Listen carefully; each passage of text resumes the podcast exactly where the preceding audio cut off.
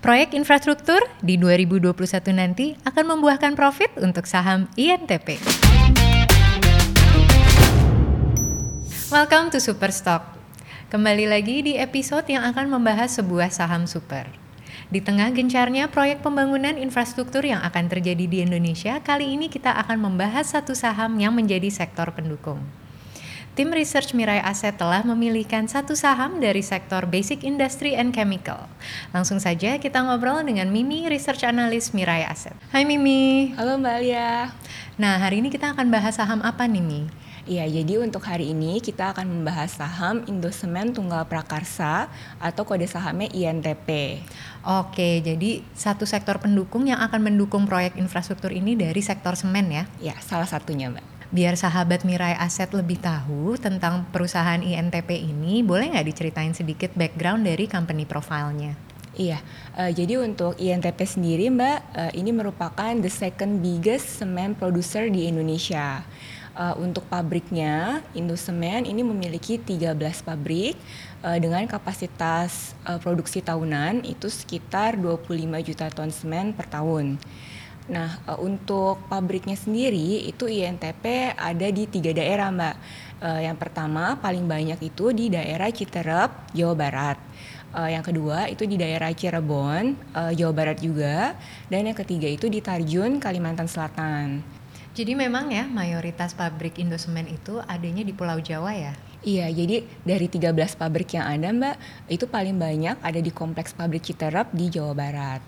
Kemudian untuk jejak langkah INTP sendiri Mbak di pasar modal, uh, eh, INTP itu termasuk perusahaan yang sudah senior. Jadi IPO INTP itu di tahun 1989 Mbak.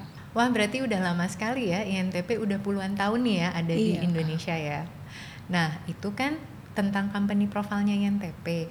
Bagaimana sih kondisi INTP menghadapi situasi pandemi dan apa nih strategi bisnis yang mereka lakukan di tahun 2020 ini?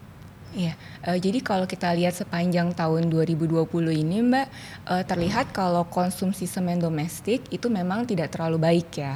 Okay. Uh, jadi perlambatan kegiatan ekonomi akibat pandemi COVID-19 ini, uh, ini telah membuat banyak proyek-proyek baik di sektor properti maupun di uh, sektor infrastruktur itu tertunda uh, yang pada akhirnya itu memberikan efek negatif ke industri semen. Jadi memang demandnya itu masih menunjukkan tren yang melemah ya?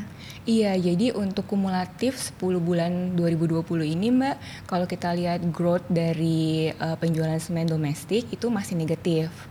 Dan kita juga estimate kalau untuk uh, full year uh, total dari uh, penjualan semen domestiknya itu juga masih akan negatif. Jadi uh, estimasi kami untuk uh, total volume uh, di full year 2020 itu akan lebih rendah dibandingkan uh, total tahun volume di ya? tahun 2019. Okay. Nah, untuk INTP sendiri nih, Mbak, mm -hmm. sampai dengan 9 bulan tahun 2020 kemarin, kalau kita lihat net profitnya mm -hmm. itu masih tercatat turun sekitar 5% year on year. Oh, nggak terlalu besar ya turunnya? Uh, iya, tapi uh, tetap turun gitu ya, Mbak. Jadi itu disebabkan karena demand yang lemah tahun ini terutama di kuartal kedua. Nah, kuartal kedua ini Mbak memang untuk industri semen, kuartal kedua itu termasuk uh, low season. Karena okay. ya, jadi karena ada uh, bulan Ramadan, kemudian ada lebaran juga dan untuk tahun ini diperparah dengan adanya PSBB ketat. Jadi impact atas PSBB itu juga terkena imbas ya nih ya sektor semen ya? Iya, jadi itu juga berpengaruh negatif ke penjualan semen. Tapi kan beberapa bisnis mulai menunjukkan recovery-nya nih di kuartal 3. Bagaimana dengan INTP? Iya, jadi untungnya uh, performa dari INTP sendiri di kuartal ketiga juga sudah lebih baik, Mbak. Uh, kalau meskipun kita lihat uh, net profit dari INTP di 9 bulan 2020 kemarin itu masih minus 5% year on year, mm-hmm. uh, tapi kalau kita lihat secara quarterly atau per kuartal, ini sebenarnya di kuartal ketiga ini sudah ada perbaikan yang sangat signifikan dari uh, performa INTP. Uh, kemudian untuk tadi kan Bali juga sempat nanya ya tentang strategi yang dilakukan oleh perusahaan dengan untuk menghadapi demand yang lemah dan uh, untuk perusahaan semen sendiri itu mereka lebih ke arah cost efficiency. 2020 ini masa resesi dan dikabarkan 2021 kita akan memasuki masa recovery. Bagaimana pendapat Mirai Aset terhadap perkembangan INTP di tahun depan nanti?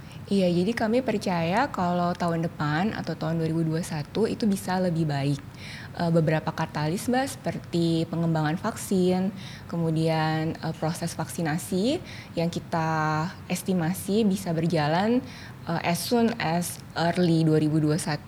Kemudian juga ada stimulus-stimulus pemerintah kan ya Mbak ya untuk mendorong pertumbuhan ekonomi.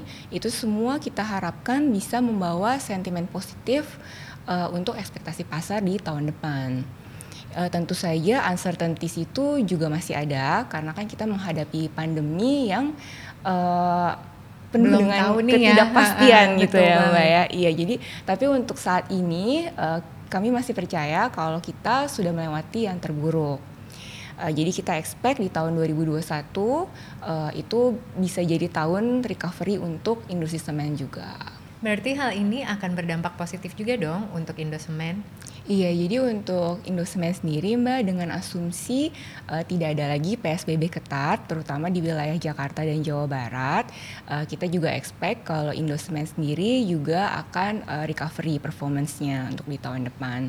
Dan sejalan dengan industri, uh, kita me memperkirakan penjualan semen domestik uh, eh, INTP di tahun depan itu bisa tumbuh sekitar 4%. Uh, eh, ini estimasi kita uh, based on kita punya report tanggal 18 November kemarin ya Mbak ya.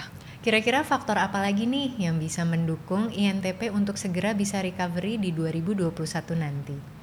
Oke, jadi untuk faktor-faktornya Mbak, eh, yang pertama itu adalah budget infrastruktur yang lebih tinggi. Kemudian juga potensi dimulainya kegiatan ekonomi lagi.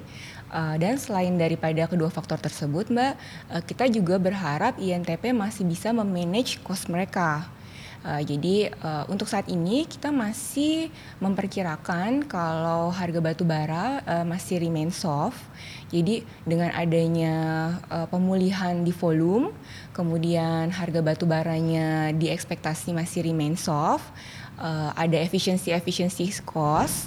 Jadi kita berharap semua faktor tersebut uh, bisa membuat uh, margin di 2021 uh, bisa lebih baik dibandingkan tahun ini atau tahun 2020. Oke, jadi dengan adanya cost efisiensi di beberapa lini operasional itu bisa tetap menaikkan margin ya di tahun iya. depannya. Jadi menurut kami masih ada ruang uh, untuk marginnya itu improve di okay. tahun depan. Seberapa improve nih?